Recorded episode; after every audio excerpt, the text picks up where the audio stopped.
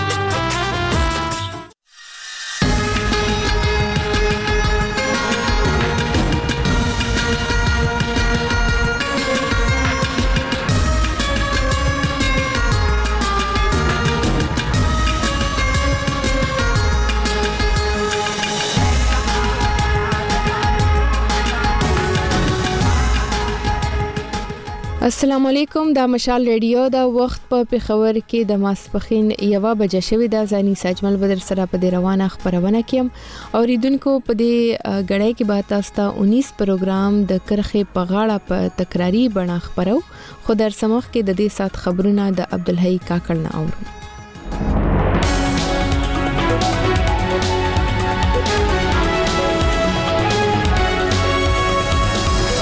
سرټکی د پاکستان دوست لوی سیاسي ګوندونو پیپلز ګوند او مسلم لیګ نون د اوږدو خبرو اترو وروسته په مرکز کې د حکومت پر جوړولو رضا سوي دي د افغانستان لپاره د امریکا د سفارت شاه ظفیر وایي چې افغانانو او مدني ټولنې سره د هیواد ژمنتیا پیاوړې ده امریکا پرون یو ځل بیا د اسرایل او حماس ترمنځ د جګړې په اړه د ملګرو ملتونو د سلامتي کونسل قرارداد ویټو کړ او سم د خبرونو تفصيل د پاکستان دوو سیاسي ګوندونو پیپلز ګوند او مسلم لیگ نواز د اوږدو خبرو اترو وروسته په مرکز کې د حکومت په جوړولو سلا سول په دې لړ کې پروند د شپې د پیپلز ګوند چیرمن بلال بوټو زرداری په اسلام آباد کې د مسلم لیګ نون د مشر شاباش شریف سره د خپل پلار او پیپلز ګوند د شریک چیرمن آصف علي زرداری په موجودګۍ کې ولیدل وروسته د ګډې خبري غونډې پر مهال بلال بوټو د اتحاد اعلان وکړ پاکستان پیپلز پارټي او مسلم لیګ نواز. پاکستان پیپل پارټي او مسلم لیګ نواز حکومت جوړوي. هیله ده چې ډیر زر به شهباز شریف صاحب یو ځل بیا د ملک وزیر اعظم جوړ شي. زمونږ او د ټول پاکستان د خلکو دا دعا ده چې دا حکومت کامیاب شي. د صدر د چوکۍ لپاره به زمونږ مشترکه امیدوار صدر زرداري وي. د انتخاباتي کمیشن د غیر حتمي نتیجو له مخې په قامي اسمبلۍ کې مسلم لیګ نواز اتیا، پیپلز پارټۍ څلور پنځوس، متحده قومي منټ اوولس چوکۍ ګټلې دي او د پاکستان تحریک انصاف په ملاتړ د قامي اسمبلۍ دوه نوي کسان کامیاب شوي دي د پاکستان سپریم کورټ د فروری اتمې انتخاباتو د کله دمولو په اړه ورکړل شوی درخواست رد کړی دی درخواست د علي محمد په نوم کس ورکړی وو چې پکې په ټاکنو کې د مباینه درغلیو د پلټنو او له سره د کېدو غوښتنه شوې وه. چیف جسټس قاضي فایز عیسی په مشرۍ درې کسیزه جرګګۍ نن اورېدنه وکړه چې ورته درخواست ورکونکی حاضر نه شو او هم پر دې اساس عدالت د هغه غوښتنلیک رد کړ. عدالت په نه حاضرېدو علي محمد پنځه لکه پاکستاني روپۍ جرمانه هم کړ. جرګګۍ وویل چې سپریم کورټ ته د درخواست ورکونکي ایمیل ترلاسه شوی چې پکې هغه ویلي له پاکستانه بهر دی په پاکستان کې د تحریک انصاف د څلورو پښتون او بلوچ ملتپالو ګوندونو اتحاد جمعیت العلماء اسلام فضل الرحمن ډله پښتونخوا نېشنل عوامي پارټي په سند کې ګرینډ ډیموکراټیک الاینس تور پوري کوي چې په انتخاباتو کې درغلي شوې ده خو د پاکستان انتخاباتي کمیشن او نگران حکومت په وار وار ویلي چې ټاکنې رڼې دي په خیبر پښتونخوا کې امنیتي ځواکونو په یو کور باندې چاپه وهلې د کورنۍ په غړو یو تشدد کړی او یو ځای وګړی د ځان سره وړی دی دا داوا تیر شپه د رحمت الله په نوم د یو کس مور وکړه هغه وویل چې امنیتي ځواکونه ور باندې تشدد کړی په ولو ټکولې زوی رحمت الله ور زخمی کړی دی دا غي ویډیو په سوشل میډیا هم خبره شوې چې په مخ یې زخمونه لیدل کیږي د رحمت الله مور زیاته کړې چې زوی یې په باړه کې د چینچی رکشه چلوي او که په کم جرم رقم کې کړي نو باید دوی ته جرم وښول شي او عدالت ته حاضر کړي د باړې ځخه په ازاد سیاست کې منتخب شوی د صوبای سملې غړي عبد الغنی اپریدي د رحمت الله د مور او کورنۍ د غړو سره لیدلی او هغه ته د حکومت مرستې ډاډ ورکړي د پولیسو چارواکي د نوم نشولو په شرط مشال ریډیو ته بیګاول چې د شپې نا وخت امنیتي ځواکونو په بالا سپا کوم کې په یو کور باندې د چاپې پر مهال د رحمت الله په نامه یو ځای وګړي لزان سره وړي دی بلخوا د باړي سیاسي اتحاد یو مشر خان ولی اپریدي بیګا په خپل فیسبوک پاڼه په یو ویډیو کې اعلان کړی چې نن یعنی د فروری په 28مه به د دغه پیښې پر ضد په باړه کې احتجاجي مظاهره وي امنیتي ځواکونو لا په دې اړه څه نه دی ویلي د خیبر د پولیسو یو چارواکي مشال ریډو ته ویلي چې رحمت الله د بدامنۍ په یو شمېر پېښو کې مطلوب و، خو د رحمت الله کورنۍ دا تورونه ردوي. پېښور هایکورټ لس افغان وګړو ته د پاکستان اوریجن کارډ یا د پاکستان د شهریت ورکولو امر ورکړی دی. دا پرېکړه پرون د هایکورټ جسټس عتیق شاه او جسټس انوارالحق د یوه افغان وګړي د درخواست د اورېدنې پر مهال کړې ده عدالت په خپل فیصله کې نادرا ته حکم کړی چې دغه لس افغان وګړو ته د پاکستان اوریجن کارډونه جاری کړي په دوی کې نه سړي او یو شزه ته چې د پاکستاني وګړو سره یې ودونه کړی دي د افغان کډوالو وکیل ممتاز خان اډوکیټ پرون مشال ډیډي تور چې کارډونه د جاری کېدو نه وروسته به د دغه وګړو اولادونو ته هم فارم بي او شناختی کارت ورکول کیږي د پاکستان سټیزن اکټ 1951 تر مخه لومړی به یوازې حق شوزته د پاکستان شهریت ورکول کېدی چې خاوندان به پاکستاني وګړي ول خو له دې پریکړې وروسته به د پاکستان شوزو خاوندانو ته هم د پاکستان اوریجن کارت ورکولای شي دا په داسې حال کې ده چې د پاکستان نگران حکومت له پاکستانه د بې اسناد افغانانو د استلو لړۍ پیل کړې ده چې لا هم دوام لري د افغانستان لپاره د امریکا د سفارت شارزافیر کرین ډیکر وایي چې له افغانانو او مدني ټولنې سره د هیواج منتیا پیاوړې ده هغه پرون پر خپل ایکس پاڼه یا په خواني ټوئیټر د افغانستان په اړه د دوه کانفرنس د جوړونکو مننه وکړه او لیکلي دي چې سترګې په لار ده چې له افغانانو څخه د هیواد د راتلونکو په اړه نور څه هم واوري کرنډیکر نه دی ویلي چې له افغانانو سره به کله او چرته ملاقات کوي خو ټاکل شوې ده چې د فروری میاشتې پر 28مه د ملګرو ملتونو امنیت شورا د افغانستان په اړه یو غونډه وکړي د ملګرو ملتونو سرمنشي له افغانستان سره د نړیوالو رابطو د همغږیتوب او یو شمېر نور مسور په اړه د فروری په اولسمه او اتلسمه په دوحه کې غونډه وربللې و چې په کې طالبانو ګډون نه وکړي او رته خبر ده امریکا پرون یو ځل بیا د اسرایل او حماس ترمنځ د جګړې په اړه د ملګرو ملتونو د سلامتي کونسل قرارداد ویټو کړ او دغه شان د سمدستي بشر دوستانه اوربند د غوښتنې مخه ونیوه د دغه پر ځای امریکا د 15 لغړو د سازمان څخه غواړي چې یو داسې ارزي اوربند غوښتنه وکړي چې په نتیجه کې د حماس لخوا یې رغمل شوی کسان راخوشي سي په داسې حال کې چې برتانیا په کې برخه وانه خسته خو د کونسل دیارلس غړو د الجیریا د مسودې پاکې رای ورکړه. دا د اکتوبر په اوومه د اوسنۍ جګړې له پیل راهیسې دریم ځل دی چې امریکا قرارداد مسوده ویټو کړې ده. واشنګټن د دسمبر په میاشت کې هم په مسوده کې د ترمیم د مخنیوي لپاره خپل ویټو کارولی و. د الجیریا لخوا چمتو شوی قرارداد چې د امریکا لخوا ویټو شوی اوربند د یرغمل شوو خوشې کیدو سره نه دی تړلی خو په جلا توګه د سمدستي بشري اوربند او تر ټولو یرغمل شوو د سمدستي او غیر مشروط خوشې کیدو غوښتنه وکړه. د خبرونو پای خبرونه هم د عبدالحی کاکړ نه وریدل اوریدونکو وخت شوه دی اوس د ونیز خبرونه د کرخې په غاړه د خبرونه درته نن موږ په تکراری بڼه خبرو او د خبرونه قربا شاین بنری دی د کرخې په غاړه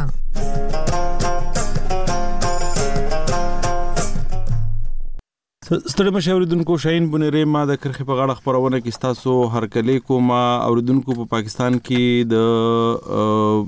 پرورې د انتخاباتو نه اتمې د انتخاباتو نو ورستو په بلابلو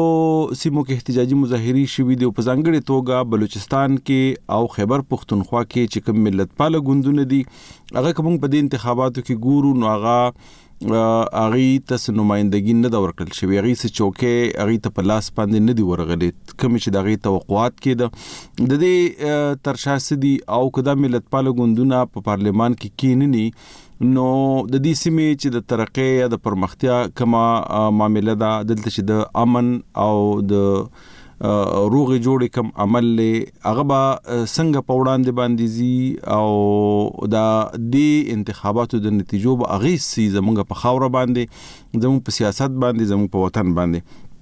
په دغه موضوع به خبرې کوو ما سره د خبرونې په دې ډومبه برخه کې د عوامي نېشنل ګوند صوبایي ستر سکرټر سردار حسین بابک صاحب برخه اخلي بابک صاحب تاسو ستړي مشوي ها بابک صاحب ته بیا ورځو هغه سیګنل مسله لري او دا وخت د عوامي نېشنل ګوند احتجاجي مظاهره روانه ده په ثوابه کې پای کې شریک دی ای سره خبرې کوو ما سره په دې سیاسي چارو باندې د تجزیه د پاره د بحث د پاره او د انالیسز د پاره خبريال او شنن کې رسول داوړ صاحب هم ملګری دی داوړ صاحب تاسو ستړي مشوي مهرباني شکریا ډیره مننه ډیره مننه موږ سره سردار حسین بابک صاحب دی د عوامي نېشنل ګوند صوبایي ستر سکرټر بابک صاحب ستړي مشه زما आवाज اوري تاسو بابک صاحب جلسه کې دوی سره به خبرې کوو خو زه به داور صاحب تراشم داور صاحب انتخاباتو شو انتخاباتو په صحت احتجاجي مظاهره سیاسي ګوندونو را جوړې کړې دي خاص تور مونږ چې ګورو شمالي وزیرستان کې ان اس سلوختمه حلقه باندې ملي جمهوري غورځنګ چې دی د هغوی له خوا د هغوی د پلویانو له خوا احتجاجونه شوي دي، پېښور کې پریس کانفرنس هم کړی دی، په دغه انتخاباتو کې د درغلۍ تورونه لګولي دي، څه تبصره کوئ تاسو؟ داوړ صاحب! اوازونه راځي ساوبۍ کې د عوامي نېشنل پارټۍ ګوند د طرفه دغه احتجاج روان دی. هاو او جی تاسو خپل خبره کوي بخنه غواړم جی زبا داور صاحب ته ورشم خو بلوچستان ته ورزو او داور صاحب زما واز اوري تاسو تاسو غږ راځي ها زه ډیره بخنه غواړم دا میډیا کې لګه مسله ده دغه د وجې زموږ د رابطو کې لګه مسله راځي تاسو زما پښتنه واوري د کنه جی جی بالکل ما دا وینا کوله چې څنګه چې اوس په دوبۍ کې د عوامي نېشنل ګوند اړخه احتجاج روان دی دغه شان په شمالي وزیرستان کې د کوم چې ټول ټاکنې وشوه په دې باندې نیوکه کیږي چې کوم د ان ډي ایم د نېشنل ډیموکراټک موومېنټ ته جی جی جی او دین علاوه تحریک انصاف ته او دغه شان جی یو ای هم ده نو دا لګیا دي ځای په ځای روډونه بند کړي دي او احتجاج کوي او دوی دا مطالبه ده چې دوی سره کوم فارم 45 ته یا کوم چې دوی وړاندې حاصل کړي دي پای کې یو نتیجه ده او فارم 47 چې کوم دی یعنی 47 نمبر کاغذ چې کوم دی پای کې بل نتیجه ده یعنی اروپا کې چینجز کړي دي ریټرنینګ افیسرانو نو د خلاف دوی لګیا دي احتجاج کوي زنه په دې کې نوټیفیکیشن هم شوې دي او زنه بیا د عدالت په هغه باندې خله باندې ودرول شوې دي نو دا نتیجې چې کومې راووتې باوجود د دې چې الیکشن ډېر حد پورې په ډېر علاقو کې ډېر پورمن وشو ډېر خطر کې سره وشو خو په اخر کې د نتیجې چې کومې دي په دې باندې خلک احتجاج کوي چې په دې کې بدلون شوه دي د حواله سره اکثر روډونه بندي خلک په تکلیف دي او مشکلاتو سره مخ دي ښه نو د شمالي وزیرستان چې دی دا وړ صاحب دا خو ډیره مهمه سیمه ده مهمه ورته زه په دې وایم چې دی کې فوځي عملیات شوي دي دی کې خلک بې کور دي دلته دی کې د ترقیاتي منصوبو ډیره لویه مسله ده او دلته د امنیت ډیره غټه مسله ده دا احتجاج د انتخابات چې کوم او شو یا د احتجاجونو چې کوم روان دي نو په دې صوبه کې په دغه ضلع کې په دغه سیمه کې تاسو سیاسي حالاتو ته څنګه ګورئ ځکه چې دی وایي چې درغلي شوې ده حکومت وایي چې موږ انتخابات پاک کړي دي احتجاجونه روان دي د دې به څه نتیجې راوځي یقینا د دې ځل 2024 کې چې کوم الیکشن وشو د دې سره یو نقصان دا وشو چې د خلکو کوم په ووټ باندې ایمان وو چې کوم ووټ یې طاقت ګڼلو نو هغه نه موږ ګورو خلکو نه اورو نو هغې نه رو رو داسې زړه ډکیږي وای یاره دا ووټ په ذریعہ نه راځي دا نتیجه مخکې نه تیار شي یا روسته تیار شي د دې د ووټ چې کوم استعمال دی هغه غلط شي او په کاغذاتو کې نور څه ولیک شي نو د خلاف باقاعده احتجاج روان دی لکه څنګه چې څوره د مخکې چې کله د نتیجه اعلان کېداین په دې په دې ټیم باندې د میران شاه پریس کلب مخه ته احتجاجونه شروع اېن ډي اېم ولا هم کولو، پي ټي آی ولا هم کولو، دغه شان جي آی ولا هم کولو او بیا د جي آی په حق کې هغې نتیجه یې راویستله خو اوس د پي ټي آی ولا وایي چې موږ په سیکنډ نمبر یو خو در اصل موږ په فرسټ نمبر یو. دغه شان اېن ډي اېم وایي چې موږ په فرسټ نمبر یو، پي ټي آی په سیکنډ نمبر دی او جي آی خو په تین نمبر دی، دې ته یې څنګه هغه ورکړو؟ نو یقینا دا هغه څوک مني نه دا نتایج چې دي او الریډي دا عدالتونو کې چېلنج شوي هم دي او هلته کې پې کار هم روان دی. ټریبیونل کې او د غشان په کوټونو کې خو دا غدي چې اوس روډونه بندي او خلکو ته د غي د لاس مشکلات نن په دی ولې سره ډیپټي کمشنر هم یو اعلامیه جاری کړې پای کې ویلي دي چې را تاسو روډونه مبندوي احتجاج کوي خو د خلکو ته تکلیف وي ځکه چې یو خار نه بل خار ته خلک زین او غي په وجه ډېر مشکلات دي خلک په گاډو کې ناست دي انتظار کوي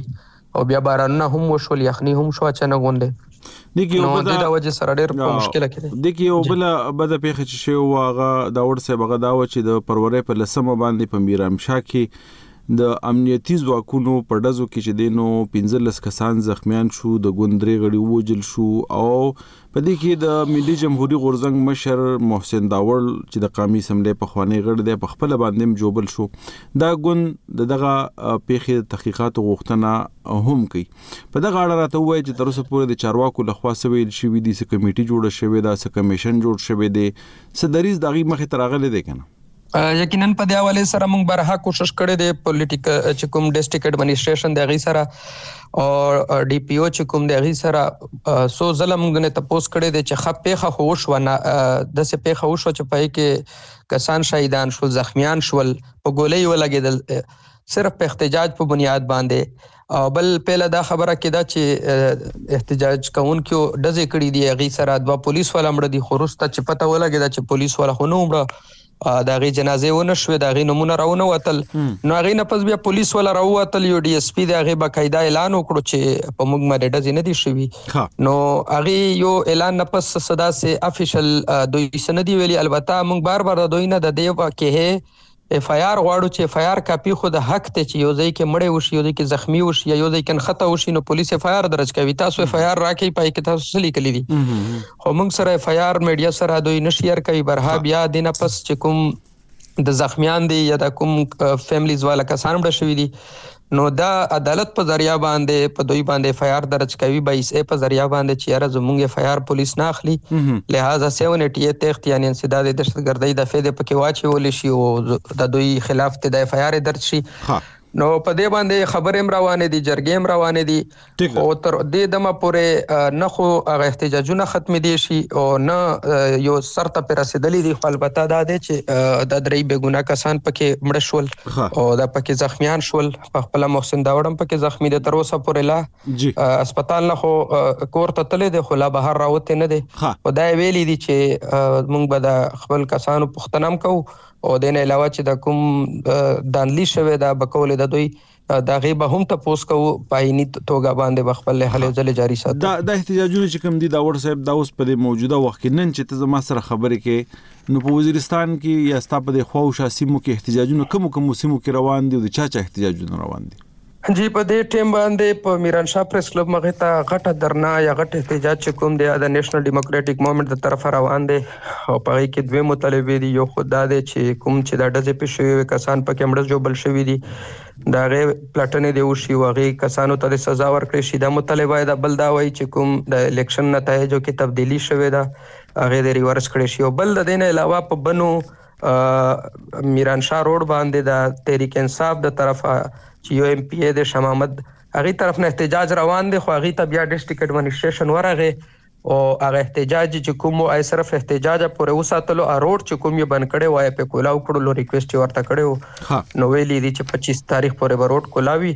او دا د چې احتجاج به رواني ټیک ده تاسو زه نورم خبرې کوم خو موږ ورزو بلوچستان ته په بلوچستان کې سلورو ملت پالو سیاسي ګوندونو ویلي دي چې په انتخاباتو کې د مبینه درغلیو پر ضد با خپل احتجاج له دوام ورکړي پښتونخوا ملي عوامي ګوند، بلوچستان نېشنل ګوند، هزاره ډیموکراټیک ګوند او نېشنل ګوند دعوه کوي چې په ټولو صوبه کې یې کامیابې احتجاجي مظاهرې کړې دي. بلخوا حکومت وایي چې د سیاسي ګوندونو د احتجاجونو او د کاربندیز د اعلانونو له وجې عام ولس له مشکلاتو سره مخامخ کېږي او د پاکستان الیکشن کمېشن هم وایي چې د فرورۍ اتمې انتخابات رانه شوي دي په دغه موضوع باندې ما په کوټه کې د خبريال او شنونکي سید علي شاه سره خبرې کړې دي او دغه نه مړومبه پښتنه دا کړې ده چې دغه سیاسي ګوندونه ولې احتجاج کوي او دوی د حکومت نه سغواړي ما په سره په تیرو ډیر څو کلو خبره به زه وکم چې څه الیکشنز په پاکستان کې بلوچستان کې شوي دي نو داسې په دې لیول باندې موږ احتجاج نه دی لیدلی دې کې ټول سیاسي ګوندونه دي، که بلوچ ملتپاله ګوندونه دي، که پښتانه ملتپاله ګوندونه دي، مذهبي چې کوم ګوندونه دي هغه هم په کې شامل دي، د دې سره سم چې مین سټریم پولیټیکل پارټیز دي لکه پیپلز پارټۍ هم په دوو درو حلقو د دې سره سم مختلف داسې اتحادونه دي چې د هغو کلیمز دي یا پیپلز پارټۍ ده یا مسلم لیګ نون دی، پاکستان تحریک انصاف دی، یعنې زه دا خبره کولای شم چې اکراس دي بورډ څه چې سیاسي ګوندونه دي هغه د دې خلاف احتجاج کوي او بیا خاص کر داسې دي په تیرو وختونو کې موږ دا لیدل چې پر یوه حلقه، پر دوو حلقو، پر درو حلقو باندې به د سیاسي ګوندونو تحفظات وو یا به خدشات وو، شکایات وو، نو دا وخت چې کوم صورتحال دی، دا وخت د بلوچستان اویا فیصده چې کوم سیټونه دي، کومې چوکۍ دي، که د ایالت اسمبلۍ دي او که د دې سره سم بیا د نېشنل د قامي اسمبلۍ دي، پر دې ټولو باندې د خلکو اعتراضونه دي، احتجاج دا وخت په کوټه کې روان دی. څلور چې کوم جماعتي اتحاد دی په دې کې بلوچستان نېشنل پارټي چې کوم ګوند دی مېنګل پښتونخوا ملي عوامي پارټي د دجسم نېشنل پارټي دی او هزاره ډیموکراټیک پارټي د دا خو یو چار جماعتي اتحاد الاینس دی د دوی احتجاج روان دی او د دې سره سم پښتونخوا نېشنل عوامي پارټي چې د هغه احتجاج روان دی مختلف سیاسي ګوندونه په عوامي نېشنل پارټي کې د په چمن کې احتجاج روان دی نو زما په فکر سره دا یقینا د پاکستان د جمهوریت، د پاکستان د جمهوري ادارو لپاره ښه خبره نه ده چې دومره زیات سوالونه پیدا کوي. او بیا په خاص توګه باندې علي شاه صاحب چې کوم ملتپاله ګوندونه دي، که هغه بلوچ دي، که هغه پښتانه دي، هغوی په دې انتخاباتو کې ډېر بد ماتې خوړلې ده، مطلب دا دی چې شکست یې خوړلی دی،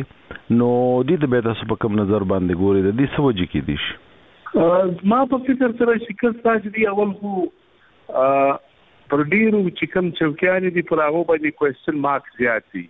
سار یو سړی ګټي ماښام بل سړی ګټي او بیا که ته وګورې د پاکستان چې کوم نور شهرونه دي ډیر زیاتې آبادي دي لکه کراچي سو لاهور سو فیصل آباد سو یا خیبر پښتونخوا کې کوم مختلف علاقې دي هلته کم کاندید چې یو لک یو نیم لک ووټونه اخلي نو د هغه نتیجه په څلوېښت ګنټو کې راځي سوال دا پیدا کیږي بلوچستان کې خو دومره ووټ هم نه دی کاسټ شوی بیا ولې شپږ زره اووه زره یا لس زره ووټ اخیستونکي چې کوم کاندیدان دي د هغو نتیجه ولې په دوې درې ورځې کې رااله زما په فکر سره اوس دا هم سوال یې نشان دی چې دا کم پرست یا ملتپاله ګوندونه دې شکست خوړلی دی که نه دی خوړلی اوس په دوی ځي ټرایبونلز ته او بیا به سپریم کورټ پاکستان ته ځي د دې سبا به نو بیا معلومیږي چې واقعي دوی عدالتونه څه کوي عدالتونه د دوی په حق کې فیصله ورکوي، دا سټې کوي، څه په کوي؟ ها دی دی خو احتجاج کوي شاه جي خو چې دا نور کوم سیاسي ګوندونه دي کوم چې دا دعوه کوي چې هغوی ډیر سیټونه ګټلي دي او هغه د حکومت جوړولو لپاره هلې ځلې روانې دي نو بلوچستان کې څه منظر مخې ته راځي تاسو چې ګورئ د حکومت جوړولو په حواله؟ حکومت جوړولو په حواله خو داسې دی چې دلته د پیپلز ګوند چې کومې چوکۍ دي هغه دیارلس څوارلس یې تر ټولو زیات تعداد د هغو دی دویم چې دی هغه مسلم لیګ نواز دی دا وخت اوس چې زه تاسو سره خبره کوم د هغو تعداد دیارلس ته ورسېدی او بیا جمعیت علما اسلام دی دا دریم چې کومې پولیټیکل پارټیز دي دا په مضبوط پوزیشن کې دي اوس داسې امکانات معلومیږي چونکې پیپلز پارټۍ چې کوم ده هغه په مرکز کې مسلم لیګ نون الته سپورټ کوي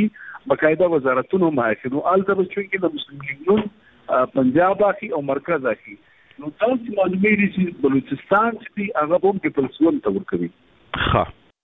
سید علي شاه وو، د بلوچستان نه خبریال او شنونکي چې موږ سره خبرې کولې، دا خپرونه تاسو د مشال ریډیو نه اورئ او دې خپرونې په دویمه برخه کې به ما سره د پېښور نه د ډان اخبار خبریال او شنونکي علي اکبر برخه اخلي، موږ سره به خبریال عبدالرحمن صاحب راځي او موږ کوشش کوو چې موږ د عوامي نېشنل ګوند صوبایي ستر سکرتر سردار حسین بابک صاحب سره هم خبرې وکړو. کوم چې دا وخت په صوابۍ کې په احتجاجي مظاهره کې دی او دا وخت ما سره رسول داوړ صاحب دی دوی سره خبرې کوو د قبایلی سیمو کې چې کوم سیاسي منظر دی د انتخاباتو نو وروسته په غي باندې داوړ صاحب تاسو خبرې وکړي په خپل خبرو کې ذکر وکړو د ځوانانو چیرې ځوانان چې دی دغه باور ختم شوی دی په ووټ باندې چې ګنې مونږ به ووټ ورکو مونږ برای ورکو او د هغې په نتیجه کې به څه بدلون راشي دا ستاسو سیمه چې دا دا خو ډیره د الغاو تلغاو سیمه ده که موږ د سیاسي تحریک په حواله باندې ګورو که موږ د ترهګرۍ پر ضد چې کوم جنگ روان دی د هغې په حواله ګورو یعنې دلته د پښتون ژغورنې غورځنګ یو ډیر لوی موجودګي د غټ تحریک چلولې دی بیا نېشنل ډیموکراټیک مومنټ چې دی د دې مشر چې دی هغه د دغه سیمې سره تړاو لري او دغلته دا سیاسي ګوند ګوند چې دی دا فعال دی نو مونږ چې د سیاسي جوړښت ګورو یا خاص طور د ځوانانو کردار ګورو وزیرستان کې هغه باره کې راته څه وایي چې مطلب آیا دوی به بیا چې کوم د پارلیمان نه بار لارې دي لکه پی ټی ایم دی یا نور چې کوم مزاحمتي تحریکونه دي هغه طرف ته وځي کنه یقینا دغه شان خو چې کوم غیر پارلیماني سیاست دی هغې طرف ته خو نن سبا اې این پي هم او جې یو آی هم اشارې ورکوي چې یاره موږ مجبورېږو چې دې طرف ته لاړ شو. دغه شان په مقامي سطح باندې هم په شمالي وزیرستان کې غیر پارلیماني طرف ته د خلکو هغه توجه روانېږي وجه یې دا ده چې خلک وایي چې موږ چې کوم پارلیماني سوچ لرو یا کوم جمهوریت باندې یقین لرو یا کوم د ووټ خپل طاقت ګڼو نو دا غي خو اهمیت شته نه ځکه چې کوم ووټ واه هم چاو نو الته کاونټ کیږي نه دغه دا یو مثال دی چې اوس په شمالي وزیرستان کې مثال دوه ایم پی ګان دي په هغه کې ټولو خلکو ته ښه پته لګي چې د دې دومره ووټ دی د اندازې نه هم ورته لګي یعنی ځنه کس په وي چې 700 ووټ په وي او الته به هغه ته ملاو شي 15000 20000 نو خلک بیا یو بل ته مخ واړوي چې لکه دا څنګه کې دي شي چې لکه د دې سړی خو په خپل فیملی کې هم څوک ورلوټ نه ورکوي او بل دا چې کوم چې فارم 45 ته چې پای باندې جنټانوم ساينونه کړی وي پای باندې ریټرننګ افسرانو او دا چې کوم غا پریزایډینګ افسر دی غیم په ساين کړی وي سټمپونه په لګیدلی وي ګوتې لګیدلی وي هغه نه پس آی ډی کارت نمبر په لیکلی وي نو یو ویل ډاکومېنټ وي نو هغه دوی چې کوم مختلف پارټیان دي د سره موجود دي نو چې هغه دوی خپل میاس کې سره اکاونټ کې نو پای کې وګوري وای چې نه زما خپل مثال 10000 ورته او زما د مخالف خو ټوټل سات سو ووټ دی نو هغه سنګه کامیاب شو نو په دی ټیم کی هغه چه سومره هغه دوی په جمهوریت باندی یقین وی یا سومره دوی مستقبل کی فارلیمانی سیاست طرف ته تګ وی هغه هغه هغه جذبه ختم شی مړی شی نو یقینا په دی الیکشن باندی ډیر نیوکی وشو الیکشن هدف دا دوی چې به احتجاج وکړو د احتجاج په نتیجه کې ډزې وشوې نه دا وزیرستان واحد سیمه ده چې دلته په مظاهره چانو باندې ډزې شوې دي کنه نو دا دام یو بد پیغام ورکي ځوانانو ته دا خو هغه یو خو چې هغه لکه مثال ونه ورکوم لکه ګنده غونډه د خو بهرال دا مې ویل چې یو طرف ته خو لکه چې سو شو لا خو شول نو بیا سړی جړا یا فریاد کوي هغه لم نه پرې دی هغه نه باوجود یې ته په ګولۍ وولې لکه ګولۍ نه علاوه تا سره نور آپشن شته کنه مثالا سو ګیس استعمال کچې د خلک ته ډیسپرس کوي په معذب ملکونو کې هم دا طریقه وي کنه ګولۍ چلول خو نه او بیا چې ډیر معذب ملک نه نو بیا نور نور طریقې شته کنه د کسان چې کله تا را ونیول وی نیسه گرفتار یې که خو ګولۍ چلاول یا د کس مړول د دې خو هیڅ قسم لکه څه توک نه جوړیږي چې هغه هیڅ قسم ازلا نه کیږي ځکه چې اوس دوی لګیا دی وایي چې موږ به د شهدا فیملی سره لوهکینو سره امداد کوو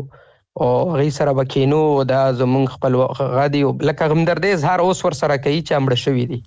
نو یو سړی چې کله مړ شو نو هغې نه پس د همدردۍ اظهار ورسره څه لا کوې نو مقصد چې تا کې څه کمزورې ده ستا غلطي کړې ده دې تناظر کې داوړ صاحب په دې لږه خبره وکړي چې موږ ګورو قبایلی ضلعو کې چې انتخاباتو نتیجو ته ګورو نو یا مذهبي ګوندونو سیټونه غستې دي یا پاکستان تحریک انصاف غستې دي په دې سیمو باندې د دې سیمو په امنیت باندې چې ډیره خبره کړې دا غو ملتپالو ګوندونو کړې د کغه عوامي نشنل ګوند دی کغه پښتونخوا ملي عوامي ګوند دی که ار یو ګوند دی چې هغه قامي ګوند دی په خبر بیا هم دوی ته هغه ووټ یا هغه رائے نه دی ورکړل شوی د دې ټرند باره کې سوي یقینا دا یو خلکو ته چې کوم قومي قیادت ته خصوصا یا قومي نه د پښتون ملت خلک دي نو هغه په ظاهره باندې چونکه پارټیان یې دي او ووټر یې دي سپورټر یې دي نو هغه هم په دې باندې ډیسکریج شول لکه وای چې دا څه چل وشو لکه دا خو ډیر غټ نقصان وشو اصل کې دوی دا نه غني چې مونږ فیل شوی یو دوی دا نه غني چې مونږ له خلکو ووټ نه درا کړي خو دا وایي چې مونږ ته د ووټ نه پس مونږ زمونږ ووټ بدل شوی دی زمونږ فارم 45 او 47 کې فرق دی مونږ ته د فرق وباسي بیا به خپل نتیجه راوځي چې ما څومره ووټ وړي دي خو دا دی چې غټ نقصان شوی دی خصوصا خیبر پښتونخوا کې زیاتې شوی دی او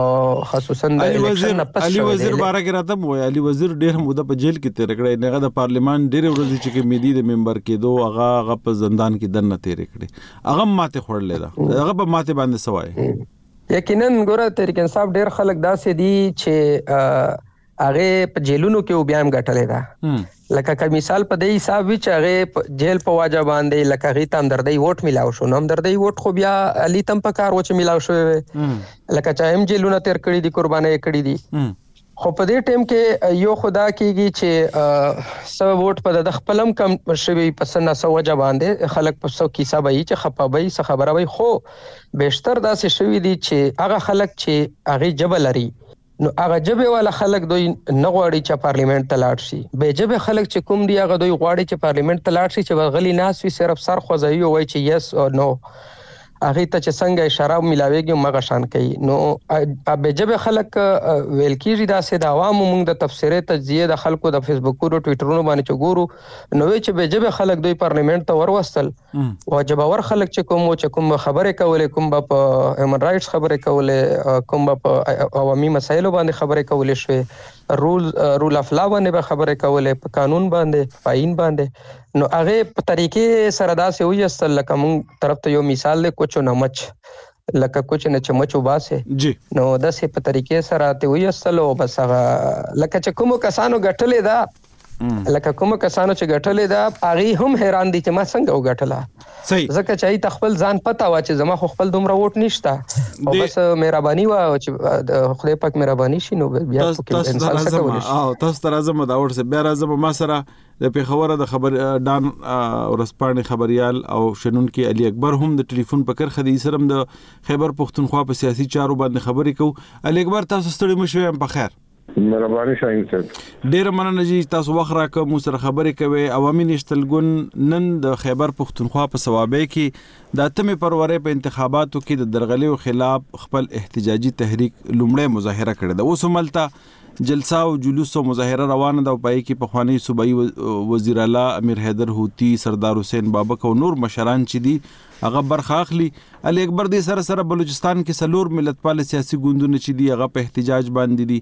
او ورسره په شمالي وزیرستان کې د ملي جمهوري غورځنګ پلویان چې دي هغه په احتجاج باندې دي انتخابات وشو ورپسې سمدستي احتجاجونه روان شو دا موجوده سیاسي صورتحال ته په کوم نظر باندې ګورې او دا لړۍ به څنګه کوم طرف ته ځي. شکریه شاهین په پاکستان کې په اولني ځل داسې انتخابات شوي دي چې چا ګټلې ده نو هغه هم خپه ښکاري چا بایللې ده نو هغه خو خپه دی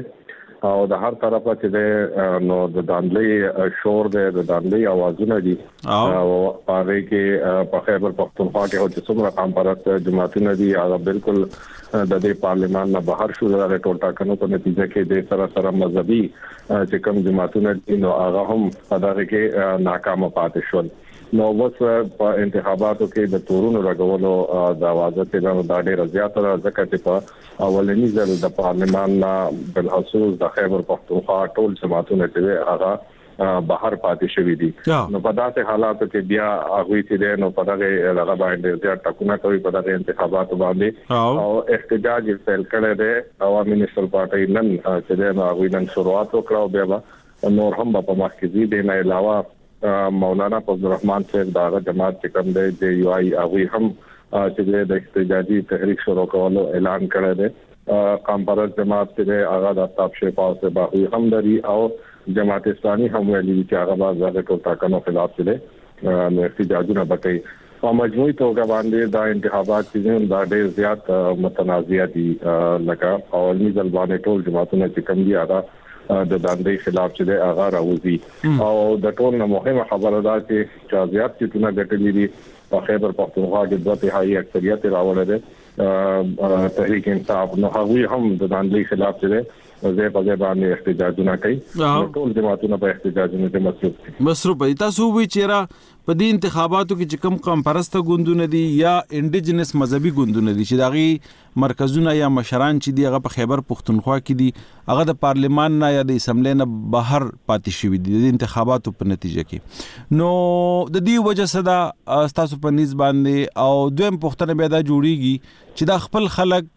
د پارلیمان نه بهر پاتې شي نو بیا چې دلته د سیمې د امنیت یا د ترقې یا د دې د په مرکز کې د دوی چې کومه برخه ده د هغې د حق خبره ده نو دا به بیا څنګه په وړاندې ځي؟ شاهین اولنۍ خبره خو دا چې دوی بهر چا پاتې کړل د پارلمان نه آیا اوټر پاتې کړل او که نه چا بل چا پاتې کړل مونږ وګورو په مجموعي توګه باندې په دا ځل باندې نوور بیا چې د د عمران خان پارټي ته تللی دی په خیبر پښتونخوا کې په مکمله توګه باندې ډیر زیات اور تللی دی او هغه سر نشستونه د دې چې هغه د بیلل نه ښکارا کېدل لکه دا مونږه بغیر څه ثبوت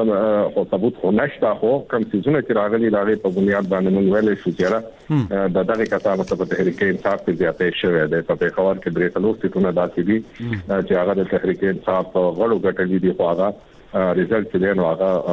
د هغوی په حق کې نه راغلی نو لاول خدا چې دا کمپارز جماعتونه مذهبي جماعتونه چې دا چا فارغ کړل آیا او تر فارغ کړل دي او تر خلاف احتجاج کوي کو نه اسټابلیشمنت کړل یا د سره د مخ کې نه سوادې شوی وي چې موږ به تاسو له دونه سیټونو درکو موږ به دونه درکو او هغه چې د اوټر دومره راووتو د اوټر رائټ واغه مطلب د بل جماعت په حق کې دومره واغه چې دوی بهر پاتې کړی شو نو وس د هغه یو قسم نه کم پتمه کې چې ساتل شوی او کم کې ویش ارزي غونډې شو دا غي مطابق نتیجې نه راتلو باندې دغه جماعتونه چې دی احتجاج کوي کم چې دی یو ایدا کم چې عوامي نېشنل پارټي دا مونږه دا غنو چې را دغه جماعتونو خپل سیاست پرې خېره لکه زوا درته په دې وياړمه چې کله د تحريک انصاف جماعت راغلی دی نو په خيبر پښتونخوا کې د قام پرست سياست ته ډېر زيات زيان رسېدلی دی هغه په دې رسېدلی دی چې د هغوی چې کومې مسلې وي يا به د پښتنو اواز اوچتو هغه به د دهشتګردۍ خلاف اوچتو هغه به د د حقونو خلاف اوچتو هغه په تورو څو کلونو کې بدله وای د کانفرنس جماعتو د مخې د لوري هغه اواز نه رانغی بل خبره دا چې هغه اواز د دوی په مقابله کې چې ده نو د نور جماعتونه چې کوم یا پی ټی آی چې کومه دا ډیر زیات چت کړي دي مذهبي جماعتونه کو تاسو وګورئ هغه به مطلب خپل په الیکشن کې دا سودا ډیره زیاته خرڅوله چې موږ د امریکې خلاف یو موږ د یورپ خلاف یو هلته کې زیاتې کیږي دلته کې زیاتې کیږي نو هغه تحریک انصاف دومره په هغه طریقه را سودا چې د خرڅ کړل لکه تاسو د عمران خان مطلب لنه لقواني دوري وګورئ که تاسو هغه دلته کې وګورئ او هغه د مذهبي او هغه د قام پرستي نو د دغه په نتیجه کې په تیرو دوه الیکشنو کې د قام پرست جماعتونو ته او مذهبي جماعتونو ته ډیر زیان رسیدلی دی زما په نظر اوس چې کوم مطلب را مظاهره کوي کوم تحریکونه چلي نو دوی د ووټر نه علاوه په بل چا باندې ډېر زیات اعتماد لرلی او هغه اعتماد چې دنه پوره نه ښکاری او دغه خلک هغه له زور ورته خلک چې ووټ ورکوي رائے چې ورکوي علي اکبر لکه اوس مونږ ګورو عوامي نېشنل ګوند په دې صوبه کې ډېر په بدو حالاتو کې حکومت کړی دی او د صوبې له ډېر لوی پرمختیايي منصوبې ورکړې دي یونیورسيټي جوړې کړې دي او دغه شانتي تعلیم په میدان کې ډېر زیات کار کړی دی چې هغه دغه مخالفین هم مني او که داسې د قربانو په حواله باندې وګورئ نو دوه کاله د دوی څخه څوارلس سوه نه زیات کسان چې دغه په ترهګرو بریدونو کې وژل شوي دي نو تاسو څه ګڼئ چې ګنې دوی د خپل پیغام خلکو ته ولس ته صحیح کمیونیکیټ کړی نه دی او کنه ووټر چې دغه د خبرو غم نه کوي هغه په نور خبرو پسې شاهین یو خدا چې ما د وخت سره سره د ووټر کم مطالبات چې دی دا کم هغه نظر چې کم دی نو هغه هم بدلیږي لکه څولان د مخکې او مطلب ووټر دا نظر کو چې د دهشتګردۍ خلاف څوک چې دی نو هغه ودرېږي نو هغه دا جماعتونه دي بیا د ووټر رائے مطلب سمو د کې بدل شو چې دا جی مطلب د دې حکومتونو په وخت کې دهشتګردي زیاتېږي یو خو مطلب چې دغه په واضح دغه باندې موږ دا ولیدو بل دا خبره چې دا به موږ وایو چې عوامي نېشنل پارټي چې دا نو هغه وس هغه شان پاتې نشو لکه مطلب عمل نه راغلی او هغه ته مطلب خپل باندې هم ضرورت ته چې دا پارټي لکه څنګه چی مشرانو بوتلی وه څنګه چی د هغوی منشور او څنګه چی به هغوی د خیبر پښتونخوا د حق د پاره د چا سره کمپرومایز نه کو اوس خو مطلب آیا دلته کې څومره سیزونه وشي د بیروزګاری او د ګرانی خو مطلب آیا ډیر زیات حالات خراب دي په دې پنځو کالو کې تاسو ولیدل چې چاته یو ایشو چې دا غره او چته کړی شوی دا عوامي نیشنل پارټي د لوري نه موږ دلته کیو نه د اوچته کړی شوی یا په پارلیمان کې مطلب په هغه باندې هغه شان سخت سټند اغستې شوی دی کوم چې اغستل کېدل په کار صرف یو تقریر نه مطلب هغه زموږ په نظر باندې هغه د ایم پی چې به کوم دغه منشورونه او یا به د هغوی د حقونو لپاره د پښتنو ودرېدل نو هغه هغه شان مطلب په هغه طریقه باندې هغوی ونه کړل بل دا خبره چېرې اوټر ته هم هغه شان ونه رسېدو چې په څه طریقه باندې اوټران ته رسېدل پکارو خپل منشور یا زمونږ خاورا مونږ د پارټي داخله کیو هغه شان مطلب هغه په هغه په طریقه باندې خپل منشور هم پیل نکړې شو دا د د خلکو پرسپشن دی د تاسو تجزیه د تاسو چې وې ډیر مننه کوم علي اکبر او اخر کې کراته لګ دا وای چې خیبر پښتونخوا کې سیاسي منظر څنګه جوړیږي د حکومت په حواله باندې مونږ چې ګورو نو غونډه روان دي او اجلاسونه روان دي نو سره تخکاری حکومت څوک به څنګه جوړیږي او څوک د چا سره ملګري دي د چا مخالف دي. شاهین د نه مخکې هو تحریک انصاف چې دی نو هغوی هو نه پارټي ملاو شوې نه هغوی ته نشان ملاو شوی خو بهرحال هغوی دوه تهایې اکثریت د هغوی چې کوم حمایت یافته ازاد امیدوارانو هغوی اخیستی دی نو په صوبه کې حکومت چې دی هغوی ته کم از کم په خیبر پښتونخوا کې بالکل څه مسله نه ښکاري ځکه چې په مقابله کې نور اپوزیشن دومره نه دی چې یا د هغوی خلاف چې دی نو هغه امیدوار ودري یا مطلب هغوی له څه مسله پیدا کی نو آئینی لحاظ سره په یوې شورازو کې بدلته کې حکومت جوړیږي کوم چې د دې میاشتې اخیرنی تاریخونه ښکاری او ورځ نیمه کې به اسمبلی راوغوښتل شي بیا لکه څنګه چې تاسو پته را سپیکر به او ډیپټي سپیکر بیا به د وزیر اعلی انتخاب کیږي د وزیر اعلی لپاره کوم یو نامزد کړی شوی کس ته د تحریک انصاف د طرفه دی نو هغه علي امین ګنډاپور ښکاري چې هغه دا وخت بالکل د وزیر اعلی چې کوم ډول دی په هغه باندې هغه کار کوي لګیا دی په پیښور کې هغه ډیره اچولې دي صحیح خپل کسانو سره میټینګونه کوي ښه زه ډیره مننه کوم لیک بر تاسو وخت ویستو مو سره خبرو کړې ډیره ډیره مهرباني ډیر مننه ما سره داوړ صاحب دی او ما سره به د پیښور خبريال او شنونکي عبدالرحمن صاحب هم په خبرونه کې برخه اخلي مون کوشش کوو چې سردار حسین بابک صاحب سره خبرو کو داوړ صاحب تاسو خو دغه خبره واورې دي د علي اکبر او موږ چې کله د پښتنو د ایشوز خبره کوو نو دا زما ذاتی رائے ده چې محسن داوړ سره یو سیټ و، یو د قامي اسمبلۍ دی ممبر و او چې کوم هم د دغه وطن که د بې کوره کېدو د خلکو خبرې دي، که د تشدګردۍ ده، که د بې روزګارۍ ده او که د تعلیم ده نو زه ذاتي توګه دا وایم چې ده پرې خبرې کړې دي او ده پرې خپل اظهار کړی دی. بیا هم ده له خلکو ووټ ورنه کړ نو یا دې ناکامه کړل شو نو د دې تر شا څه دي؟ یقینا څنګه چې ما مخکې تاسو ته وویل چې چونکې د سره جبه ده او پارلیمان کې پارلیمان کې چې څوک پر جبه باندې تقریر کوي خپل خبره کوي د عوام आवाज رسي نو هغه چونکې الته کې هغه طبقات چې هغه ته زور ورکوي نو هغه نه غواړي چې جبه ور خلک تراشي نو به جبه خلک تراشي بل تاسو د علي اکبر صاحب نه یو کوېسچن وکړو دا غي مختصر چون کې مونږ هم د الیکشن کې وګرځیدو خلکو نه میرای واخسته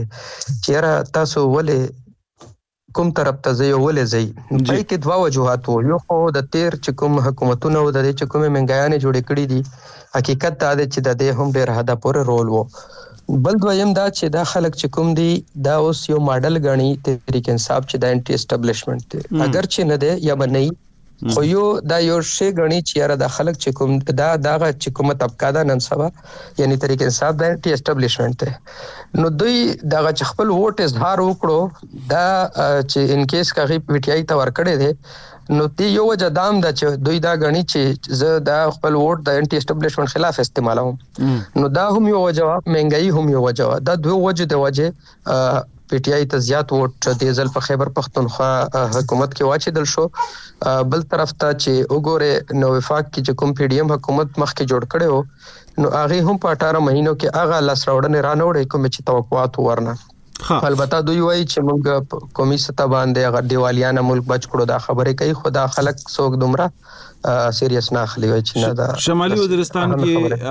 داوړ صاحب بلابل وسلوال ډلې چې دغه فعال دي او دغه هلي ظلم روان دي او د انتخاباتو دوران کې د ان ډي ام مشر د تور لګولې او چې په زنو پولینګ سټیشنونو باندې د خلک ورننوتی ستا مشاهده سره ته هم دغه سیمې سره تړاو لري چې کومې وسله والې ډلې دي د هغوی څه اثر یا د هغوی څه مداخلت وو په دې انتخاباتو کې که نه؟ داسې ده افیشلي خو تحریک طالبان کله د تحریک طالبان یا نور چې څومره ګروپونه دي هغوی خو دا نه دي ویلي چې موږ به په الیکشن کې په چا باندې یا ریلي باندې یا یو سیاسي ګوند باندې ډزې کوو یا به په نښه کوو افیشلي یې نه دي ویلي خو در پردا داسې واړه واړه سپلینټر ګروپس شته چې هغه د یو پلوي سره په ولاړ دي او هغې مدد یې کړی دی، پټ یې کړی دی او یا یې ښکاره کړی دی خو ډېر جهده پورې یې ټوپک راخستی دی، خوف یې خوراو کړی دی لکه خصوصاً په یو دوو نښتې چې وشوې، واقعات وشوې چې هغې محسن داوړ په هغه لېټر کې هم لیکلي دي، باقاعده الېکشن کمېشنر ته یې هم لېږلي دي. لیکلی یې دی ورته نو د سه یو څو پیخې د سه شوې دي چې هغه نه د تاثیر لاړل خو افیشلی دوی دا ویلي دي چې موږ د سیاسي چونکې دوی وایي چې موږ جمهوریت هم خنګنو د نظام موږ نه قبلو نو د د وجه نه موږ په دې کې څه غرض نشته خو در پر دا دوی هم دا سه ویل کېږي دا یو یو ځل خو یو فیک غوندې د غم راغې فیک سو خو بارل پهله خور شو غي نه پس بیا ورپسې ویل شو چې دا فیک دی چې پای کې باقاعده د چې کوم نوې وزیر اعلی دا د ته لکه مبارکباد ټایپ پر کړیو ویډیو چې موږ په دې خوشاله یو ته ریګن صاحب په حکومت خوشاله یو خو اگر چې دا غي نه بیا انکار وکړو چې دا فیک دی خو دغه شان شي چې خوريږي نو غي در پر د سخه مخې نو ویل کېږي دا چې دوی یعنی چې کوم ملټنټ ګوندونه دي هغه په د موجوده خیبر پښتونخوا باندې چې کوم حکومت راغی د تحریک انصاف د اغي سره سه د پوره ریلیکس فیل کوي ها عبدالرحمن صاحب نو وړي خبريال دی او د مودونه خبريالي کوي په خبر باندې رپورټینګ کوي دوی نو بزان لیک پوکو عبدالرحمن صاحب تاسو ستړي مشوي هم په خیر ډیره مننه بنګی صاحب ډیره مهرباني جی ډیره مهرباني خوشاله شوم چې تاسو را سره خبرې کوي عبدالرحمن سي تاسو ډیر انتخابات کور کړی دي ځکه چې مونږ جرنالیزم ترالو نو هغه وخت کې تاسو واقعي وخت تیر کړي وو او د ټولو سیاسي چارې هم کتلې دي دا اوس چې کوم انتخابات شو د ته په کوم نظر باندې ګوره او د نورستو چې بیا خیبر پښتونخوا کې د سیکیورټي یا د امنیت یا د ترقۍ کم خوب دی یا کم سوچ دی یا کم امکان دی کم تمه ده د غي باره کې سوای روره خبره دا ده چې همیشه له انتخاباتو نه مخکې سیاسي چې کوم ګوندونه دي هغه خپل منشور خپل پروګرام پیش کوي خو افسوس دی چې کله اقتدار کې راشي نو هغه باندې بالکل اډو خیال نه کوي تر څو پورې چې تاسو د تیرو لکه د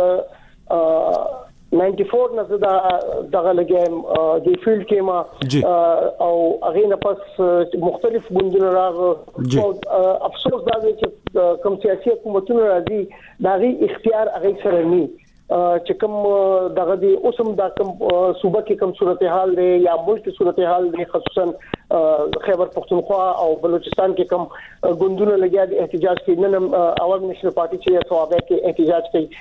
چې کوم صرف د یو سیټ ته محدود شو لکه د صوبې یو غټه سیاسي دغه وا طاقت او هغه را غورا غورا غورا صرف یو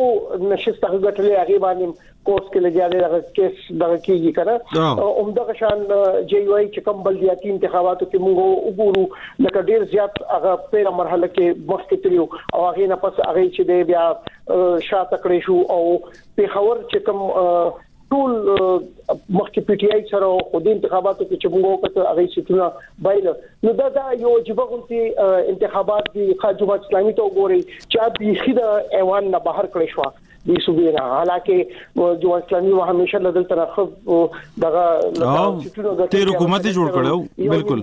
او دغه کولو او حکومتونو کې شامل شوی دي خو افسوس دا دی چې هغه بالکل اوټ کړی شو نو دا چا کړی دي هغه ټول دنیا ته سرکند ده او د ټول لغټه خبره چې سوشل میډیا استعمال کم د 2013 نه انشور دی په انتخاباتو کې او 2018 کې موږ وکړو هغه ډیر زیات لکه چې کوم هغه ټرین شو خلک نن چې کوم په دې صوبه کې هغه وی چې دوه تهایی زیات اکثریت هغه واغشتو نو هغه د سوشل میډیا استعمال هغه شانو کو مخالفین دا ویل کیږي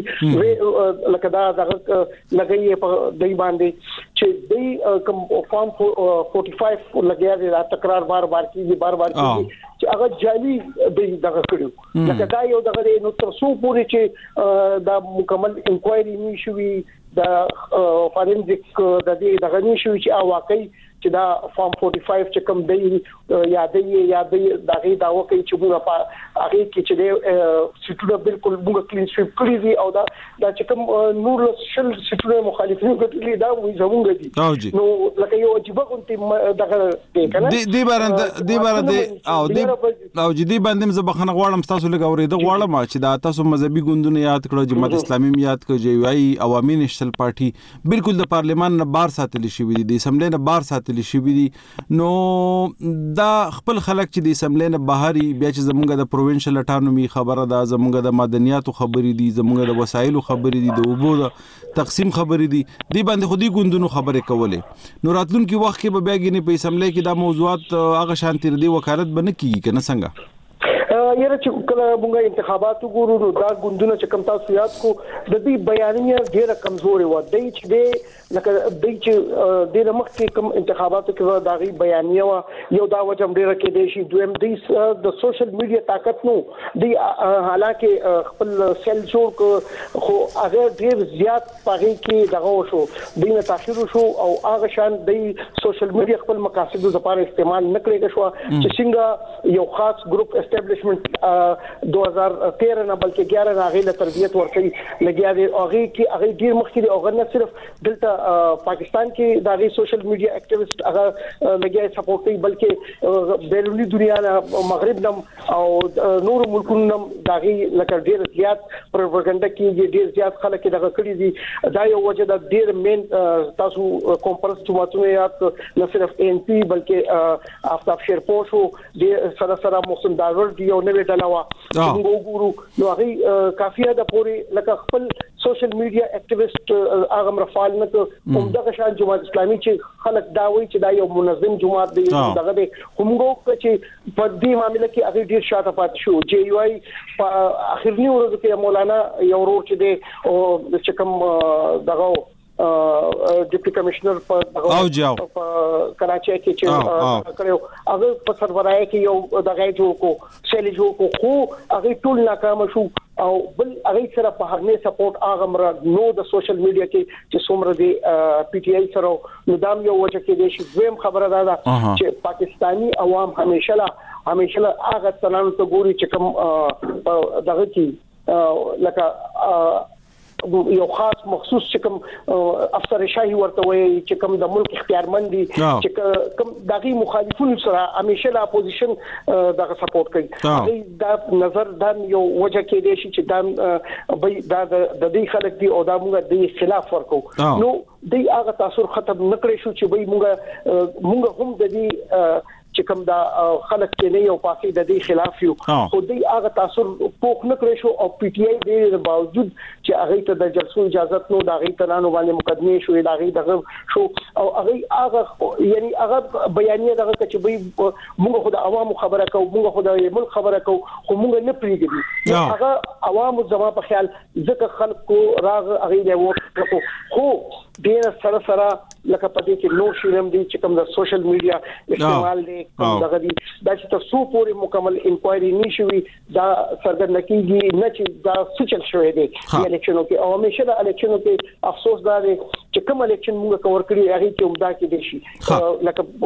صحیح طریقې نه دي استعمال شوی د مخکې 2018 الیکشن د عمران خان د بنو د حلقې بس تاسو ته یو ورکو د مثال درکمه تورانی صاحب هغه تنه اډو لکه تو غني چې هغه به وبېلي هغه د لرم صوبایي سیټ وبېللو قومي وبېللو حادثه مخکې عمران خان چې هغه مقابله کوي نو فرست ټایم د دوه وټونو ایک لکه ایک ایک لاک نه بره لاړ بیا 168 بکسي غیر شو او بیا چې راغ نو درانی سي بیا بیللی او هم هغه چې بیا سیم انتخاب شو نو درانی سي بیا دا غزوی وګټلو هغه بیا ډیپټي سپیکر څخه چې کله دا عمران حکومت لاړو نو لکه دا هغه شي نه دي چې کوم مونږ ګورو او اچانک بیا بدلون راشي لکه شپه په شپه بدلون نه راځي لپاره کار کوي دغه شوی دی او خامخا حمایتيان د هر چا وي جی جی تاسو چې مکمل انکوایري نشوي نو دا لکه یو یو سي شعور چې کوم پالیټکس سره نږدې وي هغه اډو دا دغه کولې نشي چې پی ټی آی بداسي کلین سویپ کوي خیبر پختونخوا اسمبلی کې خود دا حل دی چې کوم اپوزیشن راکین دي هغه غریبانو سره به اوس دومره اختیار دي چې هغه د اسمبلی د پر اپوزیشن جمع شي لکه دینه مخکې کم از کم دومره چې د اپوزیشن د کولو نو دا صورتحال دی په دلته او دا ټول هغه د 2011 نه چې کوم یو مخصوص جماعت سپورټ کړی شوی دی هغه له سوشل میډیا په ذریعہ باندې هغه له نور هڅ قسم دغه کړو نو دا غي هغه خلک دومره ټرین شو چې هغه چې کوم حمایتيانو ته لاس رام خو هغه بیا هم هغه طریقه باندې خپل مهم چلولو او الیکشن لا ریزلټ چې څنګه روان شو هغه بس موږ ګټو او سوشل میډیا باندې خپل فارم 45